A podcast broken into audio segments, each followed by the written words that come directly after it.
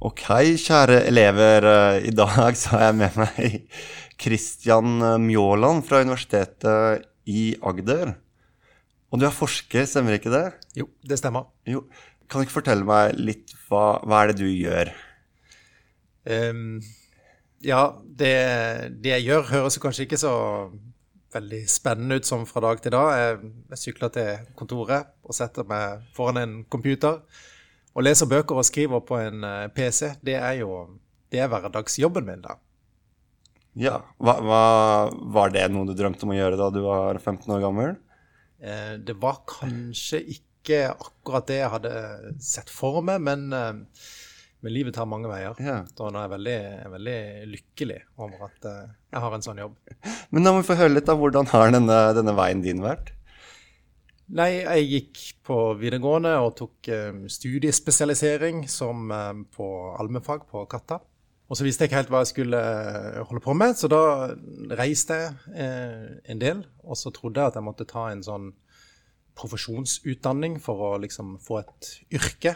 Men så begynte jeg på sosiologi, grunnfag, på Universitetet i Bergen. og så ble jeg litt forelska i sosiologien. Vi, vi, må ta en, vi skal fortsette den der, vi må ta Ja. en bitte liten hva er sosiologi, sånn helt kort. Ja, ja. Sosiologi er på en måte det er moderskipet innenfor samfunnsvitenskapen. Det er det grunnleggende samfunnsfaget. Og hva, hva studerer man i sosiologien? Nei, sosiologien eh, der, eh, det er et veldig bredt samfunnsfag. Eh, Man er opptatt av samfunnet. Man er opptatt av hvordan samfunnet fungerer, hvordan samfunn endrer seg. Og innenfor det så, så er jo da egentlig alt som handler om det sosiale, relevant for sosiologer. Så sosiologer forsker på alt fra institusjoner som fengsler og skoler. um, de forsker på sosial ulikhet, klassestrukturer i samfunnet, um, klima. uh, alt som angår på en måte samfunnet og samfunnsendring, er tema for sosiologien. Det er den beste beskrivelsen jeg har hørt av sosiologien. eh, Og jeg er femte året på, på UiA og har hatt ganske mye sosiologi. Eh, Men du, du, var, eh, du var i Bergen og, og tok dette grunnfaget i sosiologi. Og så falt du pladask, da, eller? Ja, det, det, det er jo mange typer forelskelser. Noen, noen er jo sånn kjærlighet med første blikk, og andre, og andre typer forelskelser eh, tar jo litt tid, ikke sant? Du lærer deg å, å like veldig godt noe. Eh, Det var nok litt sånn eh, den siste varianten for min del. Jeg syns det var veldig vanskelig i starten å forstå hva dette faget egentlig handla om. Um, og det var vrient å forstå hva skal jeg bruke det til seinere, og skal jeg bli sosiolog, og hva, hva vil jeg da i så fall jobbe med? Men så fortsetter han å bare studere der, og syns det ble gøyere og gøyere. Um, så da tok jeg en mastergrad, og når jeg var ferdig med den, så var jeg òg litt i tvil hva jeg skulle gjøre. Men så fikk jeg tilbud om å være forskningsassistent på et prosjekt som jeg syntes var veldig spennende, som handla om tvang overfor rusmisbrukere. Og, og da var jeg litt sånn solgt, på en måte. Da hadde jeg veldig lyst til å bli forsker etter den fine erfaringa jeg hadde da som assistent. Så da tok jeg doktorgrad, og når du har en doktorgrad, så kan du søke jobb som forsker. Og det gjorde du. Og, Og det den fikk du. Ja, jeg gjorde det. Kan du fortelle litt om hva du har valgt å spesialisere deg i? Hva er det du forsker mest på? Det, det er to temaer som, eh, som jeg forsker på primært. og Det ene er, det var der jeg begynte, det er rus. Um, både sånn eh, rusbehandling, men òg mye um, tvang mot rusmisbrukere, som jeg sa. Eh, åpne russcener har jeg forska på. Hva er det som gjør eh, Hva kjennetegner de stedene i norske byer hvor folk eh, kjøper og selger narkotika? Det har vi gjort en studie på. Jeg har også forska på rusbruk og rus, narkotikaøkonomi i fengsel. Men de siste sånn fem-seks årene så har det nesten bare vært fengsel for min del. Så nå, nå, nå kaller jeg meg fengselssosiolog akkurat for øyeblikket. Det er jo spennende. Jeg har jo, jeg har jo, har jo hatt deg som foreleser dette, dette semesteret i fengselssosiologi. Jeg er jo lærerstudent på, på, på siste året her, og jeg tror kanskje det er et av de mest spennende fagene jeg har vært borti. Føler du også litt på at det er at, at du trer inn i en veldig sånn spennende og annerledes samfunn enn det vi møter i hverdagen når du, når du studerer strukturer i et fengsel? Det er et kjempegodt spørsmål. Det er på en måte ja og nei. Det er ja i den forstand at uh, et fengsel er jo en, en lukka institusjon hvor det gjennomføres straff. Folk er fratatt friheten sin. Det er et veldig sånn hierarkisk forhold mellom de som jobber i fengselet, og de som er der for å uh, sone straffen sin.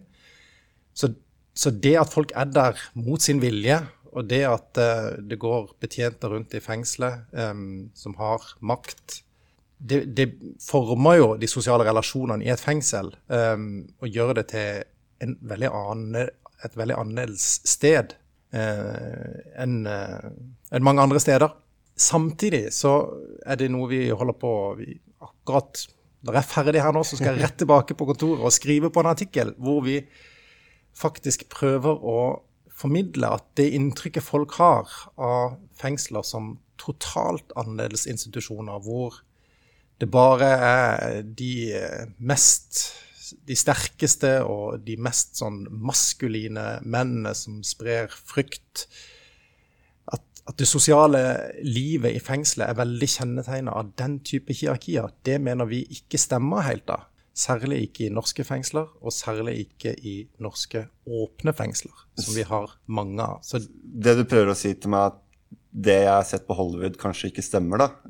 Jeg har sett ganske mange fengselsfilmer opp igjennom, og jeg har sett veldig mange tøffe, maskuline kriminelle som uh, yter uh, makt gjennom vold. Det er akkurat det jeg prøver å si. Akkurat det bildet som vi har av hvordan måte, den sosiale dynamikken i et fengsel er, den stemmer ganske dårlig overens med hvordan det er i norske fengsler. Mange av de fangene vi har snakka med, vil si at det finnes alltid et par sånne alfahanner som prøver å dominere en avdeling idet de kommer inn i fengselet. Men mange beskriver en litt mer det vi kaller for en sånn egalitær kultur, hvor folk insisterer på at her er vi alle like, vi er alle fanger, vi er i samme båt. Og de som prøver å tilegne seg på en måte makt og status på andres bekostning, mange steder i mange fengsler, vil de rett og slett bli litt sånn neglisjert, eller eh, de, de, de, får på litt subtile måter beskjed om at eh, den type atferd eh, trenger du ikke stuke på med her. Og, og, du forklarte jo litt sånn nå innledningsvis om at dagen din handler om at du sykler til jobb, og så setter du deg ned foran en PC, og så sitter du og skriver på den PC-en. Jeg har litt vanskelighet for å se for meg at du kan finne ut alt dette her ved å bare sitte på, på en maskin. Ja, det er jo godt poeng, og jeg glemte jo å legge til at uh, det er jo ikke bare det vi gjør. Og man forsker jo på veldig mange forskjellige måter. Noen uh, noen forskere sitter nesten kun bare på et kontor fordi de jobber med tall og statistikk. Eh, den måten eh, jeg forsker på, som man kaller for mer som kvalitativ, bruker kvalitative metoder, og da gjerne primært eh, intervjuer, én-til-én-intervjuer, og det vi kaller deltakende observasjon. Altså at man tilbringer bare tid i et fengsel, f.eks., og henger ut og prøver å være med på alt man får lov til å være med på. Drikker mye kaffe, er med og spiller volleyball i luftegården. Og prøver å bli kjent med fengselet og de som eh, både jobber der og soner der på den måten. Og det er sånn jeg har jobba. Så de siste tre årene så har egentlig vi og, og, og, de andre i den forskergruppa eh, mi, vi har reist land og strand rundt altså, og gjort intervjuer og um, hengt ut i norske, i norske, og engelske fengsler. Vi sammenligner Norge og England. Hvor mange fanger har du møtt? Det er mange nå, altså. Jeg tror i det, og det, det, det, jeg tør nesten ikke si uh, hvor mange vi har intervjua i det prosjektet vårt. For vi har, vi har gapt over litt for mye. Jeg tror vi har til sammen, vi i den forskergruppa, har intervjua godt over 700 fanger i norske og engelske fengsler. Så vi har, vi har snakka med veldig, veldig, mange fanger. Veldig mange hyggelige, hyggelige fanger. Jeg, jeg lurer litt på dette. Uh, når du setter deg ned sammen med en innsatt, og gjerne liksom i, helt i startfasen, de første gangene du gjorde det. Mm. Hvordan føltes det for deg? Var du nervøs? Opplevde du at det var fjernt fra, fra din virkelighet, den, den, personen du skulle snakke med? Nei, det tror jeg egentlig ikke. Og litt av grunnen til det er at uh, første gang jeg var i et fengsel, så var det ikke for å gjøre intervju. Uh, første gang jeg var i et fengsel, det var i forbindelse med doktorgraden min. Og da var jeg veldig bestemt på at jeg skulle gjøre en sånn etnografisk undersøkelse. Og Det betyr at du skal, som jeg sa i stad, gjøre deltakende observasjon. Du skal på en måte mer være i et miljø, observere hva som foregår der, skrive notater. Og ikke nødvendigvis gjøre sånne mer formelle, nå, formelle intervjuer. Nå går mer av det, trekker vi oss tilbake, og jeg skal stille deg masse spørsmål. Så det jeg begynte med å gjøre, var rett og slett å prøve å henge ut, og det syns jeg var skummelt. Fordi, og Særlig fordi man da som forsker har en litt sånn rar rolle. Man jobber ikke der, man soner ikke der. Folk vet ikke helt hvem du er, eller skal du bare henge ut, liksom? Altså, folk har litt problemer med å forstå hvilken rolle du skal ha. Så akkurat, sånn, eh, akkurat det var jeg litt sånn nervøs for. Hvordan skal jeg, ja, hvordan skal jeg oppføre meg, og hva skal jeg si, og hvordan skal jeg få folk til å skjønne at, at, eh, at jeg verken er ja, at jeg, at jeg, er en OK fyr å snakke med. Det var, det var jeg nervøs for. Men etter hvert når jeg begynte da å gjøre intervjuer, så var det jo med folk jeg allerede var blitt godt kjent med. Så da, da var jeg ikke nervøs på den måten. Og, og, det er jo uhyre sjeldent jeg har følt meg utrygg på en måte i fengselet pga. at de som soner der, skulle utgjøre en eller annen form for sånn sikkerhetsrisiko for min del. Det er veldig, veldig sjeldent.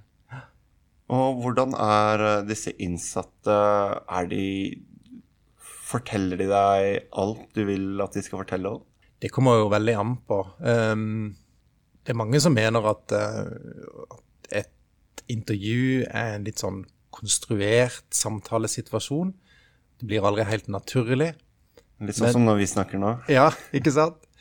Men det som jeg alltid lar meg fascinere over, er hvor fort folk kjøper intervjusettingen. da. Um, det gjelder ikke bare fanger, det gjelder uh, andre, andre, folk jeg har um, intervjua i andre sammenhenger, og, og kollegaenes erfaringer er mye det samme. At folk, eh, folk liker veldig ofte å bli intervjua. Um, folk liker å snakke om seg sjøl.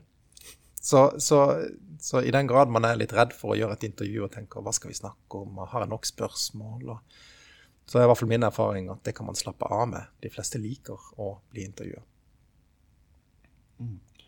Um, de som hører på, um, på denne podkasten nå, dette er jo elever som mer eller mindre er interessert i forskning, eller som i hvert fall uh, får en liten smakebit på det nå.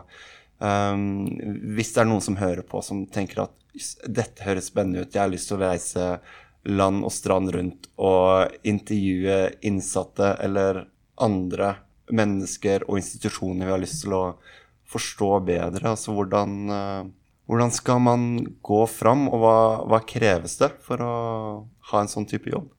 Ja, det I økende grad så kreves det jo nå at du har en doktorgrad. Og for at man skal kunne ta en doktorgrad, så må man gjerne ha en mastergrad. For at man skal eh, få en mastergrad, så må man gjerne ha en bachelorgrad. Så det er jo en del år med studier da, Aller først, så, så, i den grad man kunne tenke seg um, å jobbe som forsker, så må man belage seg på at det tar en del, tar en del år um, med studier. Men hvis man liker det kjempegodt, så, så, så syns jo jeg at det er en utrolig, utrolig viktig og meningsfull jobb. Hvor man har, enn så lenge i hvert fall, man har ganske mye autonomi, altså dvs. Si at man kan styre mye sjøl hva man har lyst til å jobbe med. Og det er helt fantastisk. Så du kunne i morgen bestemme deg for at uh, du har lyst til å jobbe med noe helt annet? Ja, jeg kan det. Jeg kan våkne i morgen og tenke nei, fuck fengsler, nå vil jeg gjøre noe helt annet. Det kan jeg faktisk gjøre. Spennende. Og, og hva slags evner er det du har uh, fått bruk for uh, så langt i din karriere? Jeg tror man må være glad i å lese, da. Og så bør man helst være litt glad i å skrive. Jeg syns alltid det er vanskelig å skrive, så jeg blir alltid irritert på en måte når jeg begynner å skal prøve å skrive. Jeg syns ikke det er lett. Mm, og du skriver en del på engelsk også? Jeg skriver også på engelsk, ja. Så jeg syns det, det, det, er vanskelig om jeg så skriver på norsk eller engelsk, men, men, man må på en eller annen måte Hvis man er sånn som meg, da, så må man òg like at det er litt vanskelig, da. Og, og den andre tingen, i hvert fall hvis man jobber med kvalitative metoder, som, som ganske mange gjør, mm. så tror jeg man kommer, eh, man kommer, veldig langt med en sånn nysgjerrighet for andre folk. Hva, hvordan er det andre folk lever livene sine? Hvordan er det andre folk finner mening med det de gjør. Den type nysgjerrighet kommer man veldig langt med. Så da er det bare å trigge nysgjerrigheten, skjønner jeg. Du, dette var utrolig interessant, Christian. Veldig hyggelig å ha deg med. Mitt navn er uh, Mathias Mørvik. Takk for nå.